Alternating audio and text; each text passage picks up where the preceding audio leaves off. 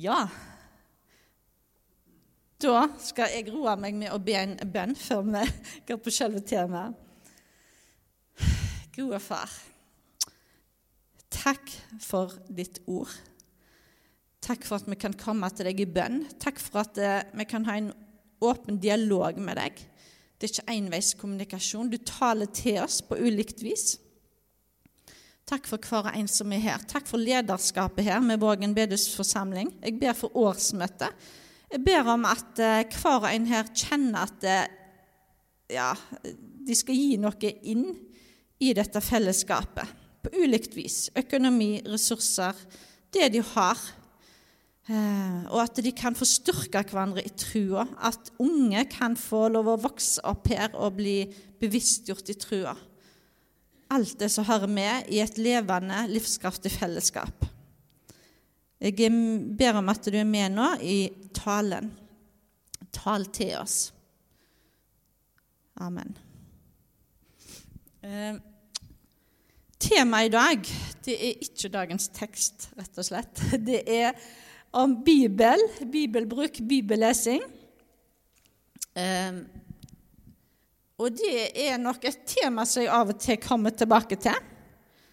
Um, kanskje liksom jeg vet ikke hva du tenker når du nå hører dette temaet her.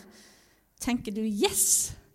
Eller tenker du 'åh, oh, dårlig samvittighet'? Eller hva følelse dukker opp hos deg?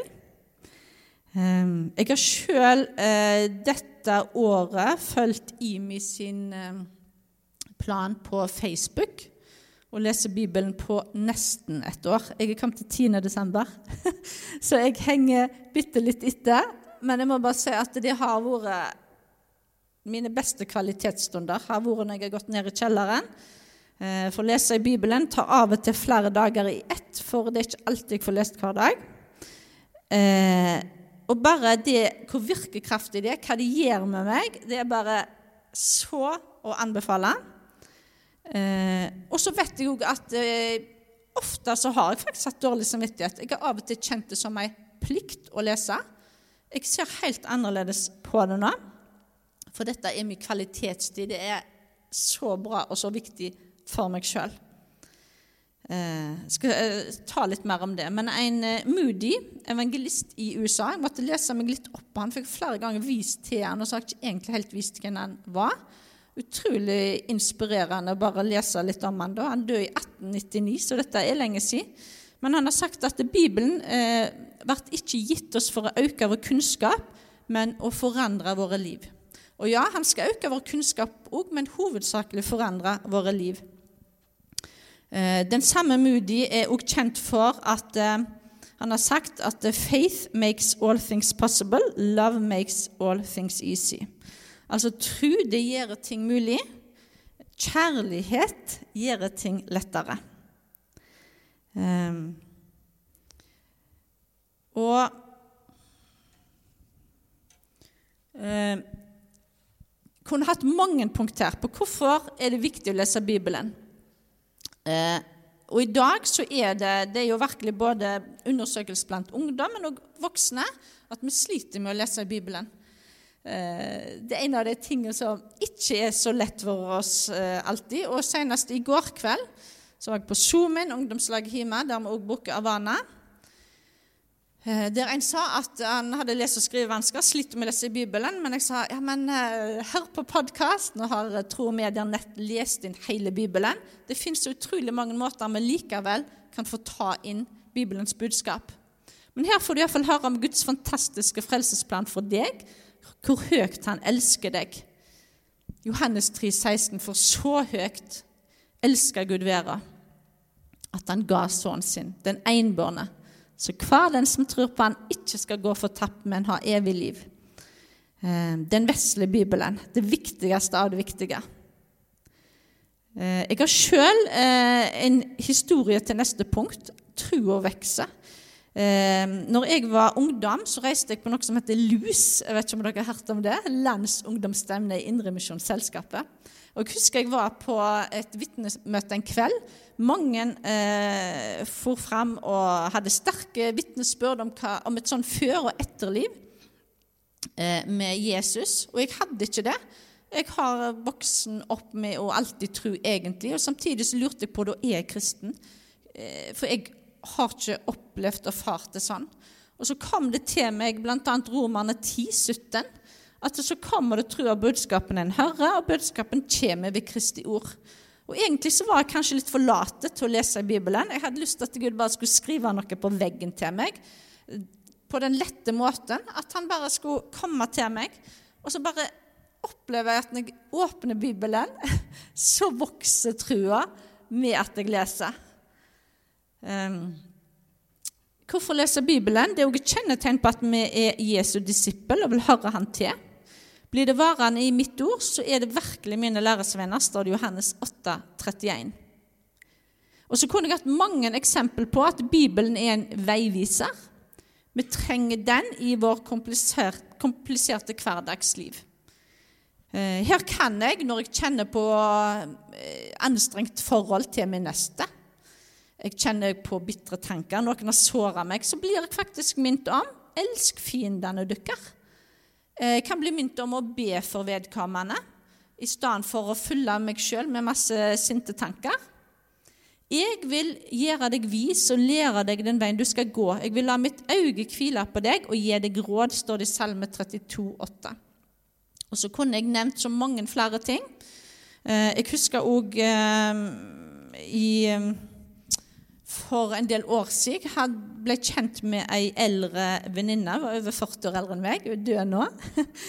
En gang så delte jeg noe vondt som hadde skjedd.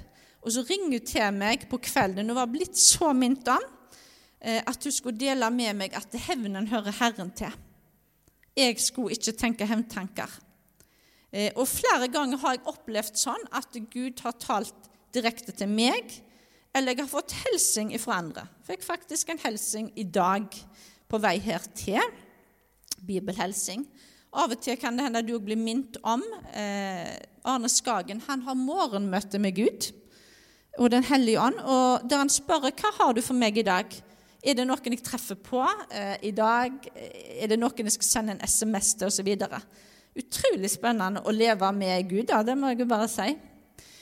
Guds ord er levende. Hebreerne 4, 12. Guds, for Guds ord er levende og verksomt, det er skarpere enn noe tveegga sverd, og trenger igjennom til det kløyver sjel og ånd, merg og bein, og dømmer de tanker og planer som bor i hjertet. Og det kan eh, jeg skrive under på sjøl. Jeg tåler å høre at Bibelen utfordrer meg, at Gud utfordrer meg gjennom sitt ord. Eh, for jeg vet at han er glad i meg, han vil meg vel. Så jeg tåler at han utfordrer meg på Ja, elsk fiendene deres. Eh, at jeg ikke skal eh, baktale. Eller alt han minnes, eh, minner meg på i sitt ord. Og det treffer meg. Det er virksomt. Og det er så mange eksempler. Jeg vet om flere som har lest seg til å bli frelst når de møter eh, Guds ord. Og så er det nyttig til så mangt. 2. Timoteus 3, 16-17. Hver bok i Skrifta er innanda av Gud og til nytte i opplæring, formaning, rettleding, oppseding, i rettferd, så det mennesket som hører Gud til, kan bli fullt utrusta til all god gjerning. Eh, når jeg leser Bibelen, så har jeg av og til flere bibler rundt meg. Jeg først og fremst studier Bibelen. Sånn at jeg kan lese litt rundt i hva setting, hva kontekst er dette skrevet. Veldig nyttig. Og når jeg slo opp dette andre Timoteus eh, Innåndet av Gud betyr faktisk at det er Gud-innblåst. Eh, og nyttig på minst fire måter. Det her står det at eh, ja, nyttig til så mangt. For det første så er det mm, nevnt opp opplæring. Eh, vi skal få opplæring i den rette lære. Og det er jo ikke rart, egentlig, i, hvis jeg ikke leser Bibelen, så har jo jeg lyst til å tekkes menneske. Jeg blir påvirket av tiden jeg lever i. Så jeg skjønner jo godt at eh, da er det ikke lett å holde fram Guds ord. Eh, For det er ganske tydelig på flere felt. Så skal det òg gi overbevisning. Eh, Bibelordet gir trygghet for sann, sannheten og skaper overbevisning. Det står òg i 1.12.: Jeg skammer meg ikke, for jeg veit hvem jeg tror på. Og faktisk så vil jeg si at når jeg leser i Bibelen, så blir jeg litt sterkere i møte med mennesker og andre sine syn. For jeg vet hvem jeg tror på. Jeg kan mer forsvare på en måte Guds ord. Jeg har lyst til å stå opp for, for Gud og Hans ord og det Han sier. Og, og jeg blir bedre kjent med den Gud jeg tror på. Det gir meg frimodighet, kraft og overbevisning i hverdagen. Rettledning, står det. Og eh, det er blitt oppseding, står det her. Opptuktelse. Flere ord er brukt. Det er faktisk henta fra barneoppdragelsen om å rettlede et barn. Og Hvis dere legger merke til de fire ordene som er brukt her, så er det faktisk bare ett av de som viser til kunnskap og undervisning. Jf. Modi sitt sitat helt til å begynne med her. At det er gitt oss for å forandre våre liv. De andre tre ordene har faktisk med forandring av liv og atferd å gjøre. Um, Bibelen taler til oss i hjertet. Og blir, vi blir mer og mer lik Jesus når vi eh, leser i Bibelen. Blir mer påvirka av hans tanke. Nett sånn som når jeg er med mannen min, vi snakker i lag. Jeg blir mer og mer kjent med, med hans tanke. Jeg vet hva han vil si, kanskje. Hvis jeg skal legge noe fram til ham, så vet jeg hvordan han skal respondere. Eh, og det er noe med ektepar som har levd i lag veldig lenge. Liksom, noen blir likere og likere hverandre. Som dere har merka det av og til. eh, jeg tenker at den største gava som vi kan gi til våre barn og etterslekt, det er faktisk å lære dem å bli glad i å lese i Bibelen. Lære dem å bli glad i Jesus. At de kan se nytten av det. Jeg har sjøl eh, barn der jeg spør hvordan går det med bibellesinga. Eh, Senest i går så spurte jeg, jeg han ene hvordan går det eh, Har du bibelleseplaner. Eh, så det hadde han Nå var den utløst, faktisk. Og sa da må du jammen få en ny med deg på veien til Framnes når du reiser inn i dag. Men han hadde nå lest i Bibelen på et eller annet vis likevel, da funnet seg nok, så det var jo godt å høre. Eh, og så tenker dere som òg nå har Avana Jeg vet ikke om dere kjenner visjonen for Avana. Det er, at, eh, det er jo egentlig et eh, trusopplæringsopplegg for 2 til 18 år. Visjonen er at den unge skal lære å kjenne, elske og tjene Jesus. Utrolig nyttig verktøy for oss, for dere som foreldre at vi har et så godt opplegg, så er det likevel bare et verktøy. Det trengs ledere til her. Det trengs eh, ledere som lever med Jesus, som leser selv i Bibelen. Av og til så sier jeg at den viktigste oppgaven som leder er jo faktisk å selv bruke tid med Gud. Um, av og til så er det pekt på at jeg, noen må tre ut av tjenesten for å få mer tid til Gud. Og på sett og vis så kan jeg skjønne dem. For det er travelt og gjerne reise rundt og sånn. Men likevel så har jeg min tilmålte tid. Jeg prioriterer og bestemmer sjøl over tida mi. Så jeg må jo ta meg tid. Sånn er det for dere alle. Jeg vet det er lett å si at uh, jeg har ikke hatt tid. Ja, Men hvem bestemmer over tida di? Det er du som må lage deg rutiner for, uh, for å lese i Bibelen. Noen et litt mer populært ord i dag rytmer. Det høres kanskje finere ut. Rutiner høres kjedelig ut, men vet du hva? det er noe med Hvis du har lyst til å bli bedre kjent med trua di, med Gud, alt han har for deg, så er det du som må finne ut av disse tinga. Eh. Eh, og eh, Avana, så jeg ønsker å gi den unge levende tru som bedre gjennom livet. Og det har vi vel lyst til å gi til våre.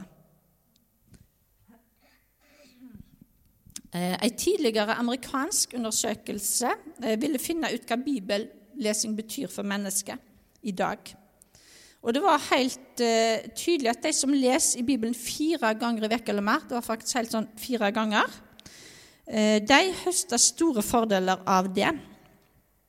De opplevde færre økonomiske problem, var mer psykisk frisk enn gjennomsnittet, opplevde flere, færre skilsmisser, mindre problem med stoffmisbruk osv. Um, og eh, På en arbeidersamling i IMF for en del år siden så hadde vi en Sven Åsmund Tvedt eh, med oss, som hadde et utrolig bra eksempel. Jeg har faktisk tatt med meg vannflaske i dag. Eh, kan trenge egentlig en slurk av vann, men det var mest for å demonstrere at det, eh, Altså, den fylte jeg med kaldt vann i dag tidlig når jeg forhjemmet hjemhentet. Så har jeg jo kjørt her til, hatt varme på i bilen, den har stått her. Og liksom, hva skjer med den da? Vi kan gjerne si at vannet blir lunka, men det blir iallfall mer romtemperert. Eh, og det som jeg husker var poenget til Hans Sven Åsmund Tvedt, det var at eh, gjennom dagen så blir jeg mer lunka som kristen hvis jeg ikke jevnlig tar til meg Guds ord. Så når han og kona fasta, så var de innom Guds ord tre ganger til dagen. Eh, så fant de ut at dette var så bra. altså De fortsetter med det jo etter de var slutta å faste. For det er noe med å ta til seg Guds ord hele tida. La det poppe opp på mobilen din, på PC-en din. Ta deg stadig smådrypp av Guds ord. For det, at det trenger vi eh, for å holde oss eh, eh med Guds tanker.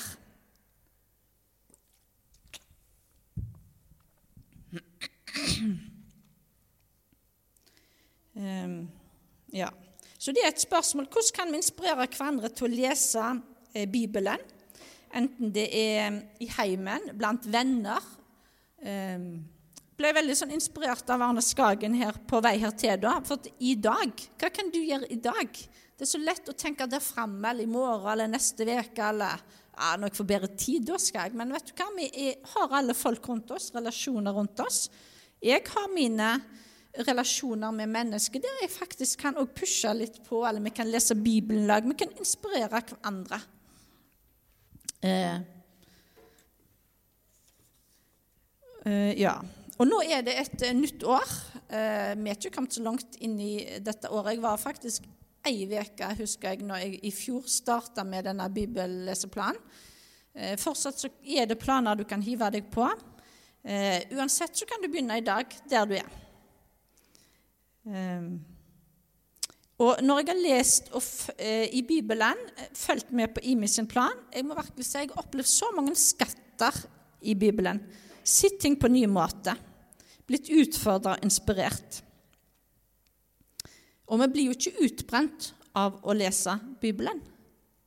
Av og til, som jeg sa, før opplevde jeg det kanskje mer som en plikt men det er jo virkelig ikke det. Det er jo en fantastisk mulighet. Oppleve skatter, oppleve ting som jeg trenger sjøl. Um, ehm, dere skal få se to uh, videoklipp. Nå ser jeg tida går fort. Uh, skal se fire minutter av en her nå. Bible Project. Er det noen av dere som har hørt om det? Ja, noen? Uh, dere skal få se det, det, er litt sånn for at du skal vite litt om verktøyene som fins. da. Du skal få se fra 2. Timoteus, vi har vært innom den, og jeg skal også innom den bitte litt til. Paulus andre brev til Timoteus. Det her er det siste og mest personlige brevet fra Paulus. Han skrev det mens han var i fengsel nok en gang, og det er adressert til en nær medarbeider som Paulus tok seg mye av, nemlig den unge Timoteus. Vi vet ikke nøyaktig hvor lenge det er siden han skrev første Timoteus brev, men det er tydelig at situasjonen til Paulus har forandra seg til det verre. Han er i fengsel i Roma, og det sikter enten til tida han var i husarrest, som det står om i Apostlenes gjerninger 28, eller så kan det hende han ble løslatt og hadde en ny periode ute i tjeneste før han ble arrestert igjen i Troas. Uansett sier Paulus at han er midt i rettssaken sin nå, og den går ikke bra. Han er rimelig sikker på at han ikke kommer til å overleve denne gangen. Og i denne dystre situasjonen henvender han seg til Timoteus, som ser ut til å fortsatt være i tjeneste i Efesos. Han ber Timoteus om å komme for å være sammen med han i fengsel, så Paulus kan overlate tjenesten han startet, nemlig å plante kirker, til Timoteus. Brevet har en enkel utforming. Det er to lange deler hvor Paulus utfordrer Timoteus. Først til å ta imot kallet som leder, og så ta for seg de falske lederne som fortsatt skaper problemer i Efesos, før han kommer til Paulus. Etter det avslutter Paulus brevet. Paulus begynner med å takke Gud for Timoteus og familien, spesielt bestemora hans Louis og moren hans Evnike. De omsluttet den unge Timoteus med historiene fra Det gamle testamentet.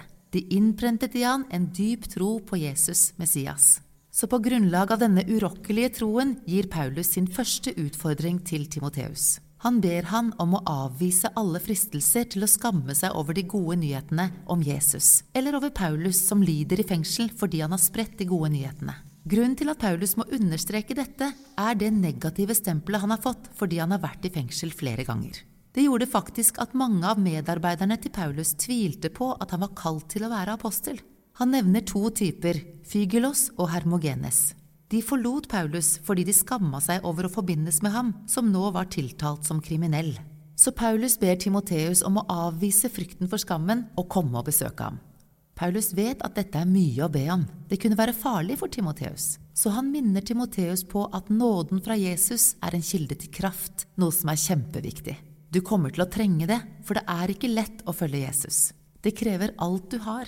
Paulus sammenligner det å følge Jesus med å verve seg og bli en soldat som gjør alt han kan for å glede offiseren sin. Eller det er som en idrettsutøver som trener kroppen sin til en konkurranse.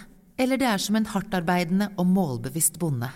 I alle disse tre metaforene er det noen som har viet seg helt til noe som er større enn dem selv, som er villige til å ofre og holde ut i store utfordringer for å nå et større mål. Og det høyeste eksempelet på dette er selvfølgelig Jesus selv. Fordi han var helt overgitt til Faderen, ble han korsfestet av romerne og led. Og nå lider Paulus på lignende vis i et romersk fengsel. Motgang og offer er en naturlig del av det kristne livet, og derfor hviler det kristne håpet på at Jesus sto opp igjen. Eller som Paulus sier i et kort og gripende dikt, hvis vi døde med Han, skal vi også leve med Han. Hvis vi holder ut, skal vi herske med Han. Hvis vi fornekter Han, skal Han fornekte oss. Hvis vi er troløse, forblir Han trofast, for Han kan ikke fornekte seg selv. Guds kjærlighet til vår verden har gitt oss nytt håp ved at Jesus døde og sto opp. Så Gud lover frikjenning og liv til de som våger å stole på Jesus og følge ham. Og Gud vil respektere de som avviser ham, og gjøre det samme mot dem. Men uansett hvor troløse folk er, vil det aldri få Gud til å slutte å være trofast. Og derfor oppfordrer Paulus Timoteus til å være trofast, selv om han vet at det vil koste. Paulus går videre til andre del av brevet, hvor han ber Timoteus 73 eh, sånne filmer, videoer, er planlagt eller er lagt på norsk eh, informative. Du kan til og med brukes i skolen. For de er ikke så forkynnende, men samtidig er det Guds ord, så jeg får jo veldig masse ut av det. Sånn, eh, Selv om det ikke er direkte forkynnende. Så det er greit å vite om Bare søk på YouTube hvis du skal til å lese et uh, nytt brev. Eh, søk det opp, så vil du finne nyttig og god info som er med på å, at du lettere kan skjønne det du leser. Eh, ja, bare ta to frem. Eh, en tilbake. Eh, 222-prinsippet. Nå har vi vært i 2. Timoteus. Eh, er det kalt 2. Timoteus kapittel 2 vers 2. Og det du har hørt av meg framfor mange vitner, skal du videre til pålitelige mennesker som er i stand til å lære andre. Eh, det er ikke så mange år siden jeg egentlig har skikkelig oppdaget dette verset. Eh, for se hva det står. Det du har hørt, det du har erfart, det skal du gi videre til andre, til pålitelige mennesker. Og så glemmer vi av og til det siste punktet, som igjen er i stand til å lære andre. Eh, jeg har sjøl fulgt to ungdommer over flere år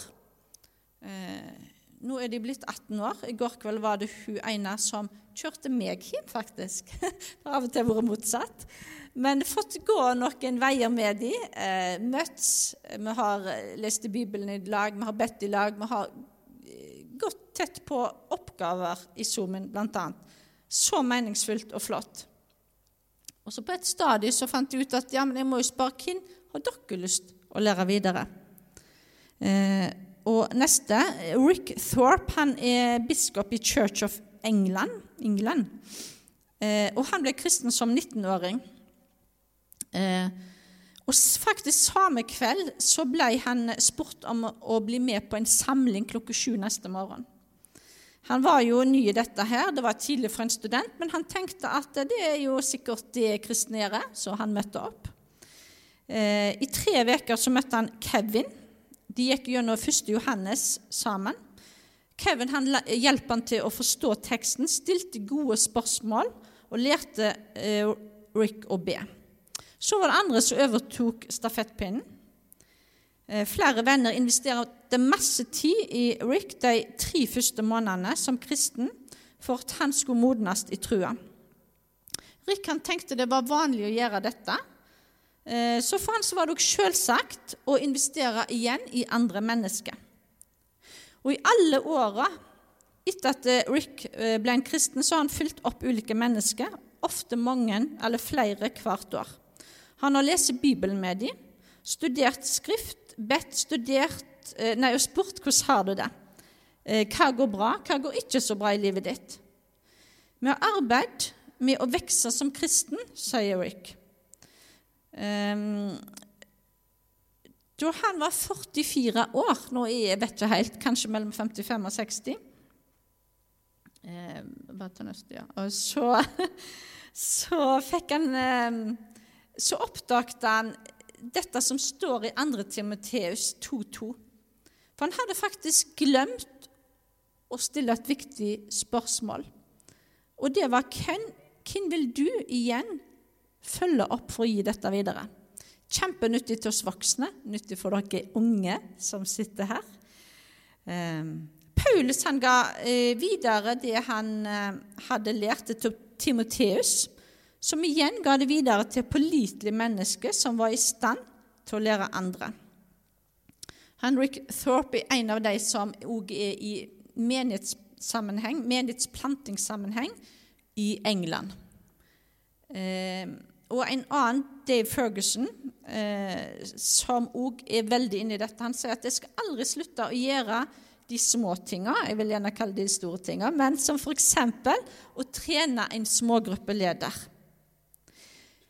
Så spennende for dere nå som er denne bedehusbyggingsprosessen. Eh, og det er klart det kan ta masse krefter og tid. Eh, så er det jo òg viktig samtidig da, å ha fokus på disse tinga med det indre livet. Hvordan kan ting vokse videre? Eh, og Sofie Braut kjenner flere til etter hvert. Eh, hun er skribent. Dagen Hun var òg på lederkonferansen som hadde på Straume i november. Eh, hun har òg en veldig bra podkastepisode med Daniel Sebjansen. Men du ser at de som leser Bibelen, får en annen innstilling til Bibelen, og det kan jeg virkelig skrive under på. Um, hun sier jo at vi skal beundre, ikke beklage Bibelen. Det har jeg gjort. Jeg har sagt at jeg skulle ønske det ikke sto her, for jeg syns det er problematisk. Men vi skal faktisk beundre Bibelen. Vi blir ikke utbrent av å lese Bibelen. Uh, men Bibelen gir oss faktisk liv og ryggrad til livet og det vi står i. For Av og til snur vi ting på hodet. At eh, jeg har dårlig samvittighet, eller eh, ja, at jeg plikter å lese Bibelen. Men det skal gis ryggrad til livet, det vi står i. Vi trenger kraft for denne tida. Derfor så trenger vi å lese Bibelen. Har vi rusta oss opp med Guds ord til å stå imot tøffe tider? spør hun. Helt til slutt så skal dere få tre minutter fra Nikki Gumbel. han er alfaens far. I vår så hadde vi seks-sju ungdommer som fulgte Ungdomsalfa. Veldig lett system inn på Alfa Norge for ungdommer, for voksne. Der er det en episode som handler om Bibelen og bibellesing. Og her eh, snakker han spesielt med dere slutten her. Alt som det genererer i livet å lese Bibelen for hele livet vårt, hva det gjør. Um, og med det så takker jeg for meg. Uh, går ned og setter meg, og så ønsker jeg lykke til med bibellesinga.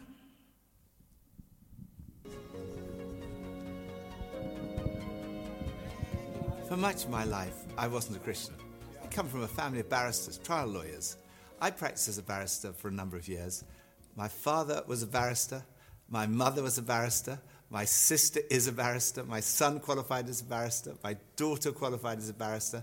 My grandfathers on both sides were barristers. My uncle was a barrister. If we'd had a cat, it would have been a barrister. My father was a, a Jewish, he was a secular Jew. He escaped the Holocaust. Many of his family had died in the Holocaust. My mother was not a churchgoer. My father described himself as an agnostic. And I came to the conclusion, when I was a teenager, that I was an atheist. I was quite an argumentative atheist. Not that I was out to convert people to atheism, but if anyone had tried to convert me to Christianity, then I had a lot to say on the subject. And I was quite suspicious of Christians. I'd come across one or two of them in my gap year, and they had these smiles, which I found deeply suspicious. And in my first year at university, I had a room next door to my great friend, Nicky Lee. And I warned him against these Christians. I said, Don't let them into your room, whatever you do. But it was too late. He'd met some. One time, he and his then girlfriend, now his wife, Scylla, came back and they said that they had become Christians. I was horrified. I mean, they were such lovely people. I thought, how can I help them? I really didn't know very much about it, so I thought, I'd better investigate. So I managed to find this old Bible, and that night I started reading it. I started at the beginning of the New Testament. I read Matthew's Gospel, Mark, Luke. I got about halfway through John's Gospel. About three o'clock in the morning, I fell asleep. Following day, I carried on reading. All that day, all the next day, all the day afterwards. I was a student, so I didn't have any work to do. And when I got to the end of the New Testament, I came to the conclusion it's true. It was as if the person of Jesus had like emerged from the pages of the New Testament and I'd in, encountered him. The Bible is all about Jesus. It points us to Jesus. As we read the Bible, as I read the Bible, I am expecting to encounter Jesus. I'm expecting to hear God speak to me. So each day, that's how I start. Like I start with physical breakfast, I start with spiritual food.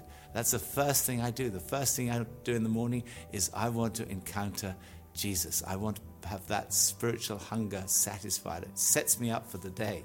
I read something that Rick Warren wrote about the Bible, and this really is my story. I can say all these things have been true for me as I've read the Bible daily over the decades. He says this reading the Bible generates life, it produces change, it heals hurts, it builds character, it transforms circumstances, it imparts joy, it overcomes adversity, it defeats temptation, it infuses hope, it releases power, and it cleanses the mind.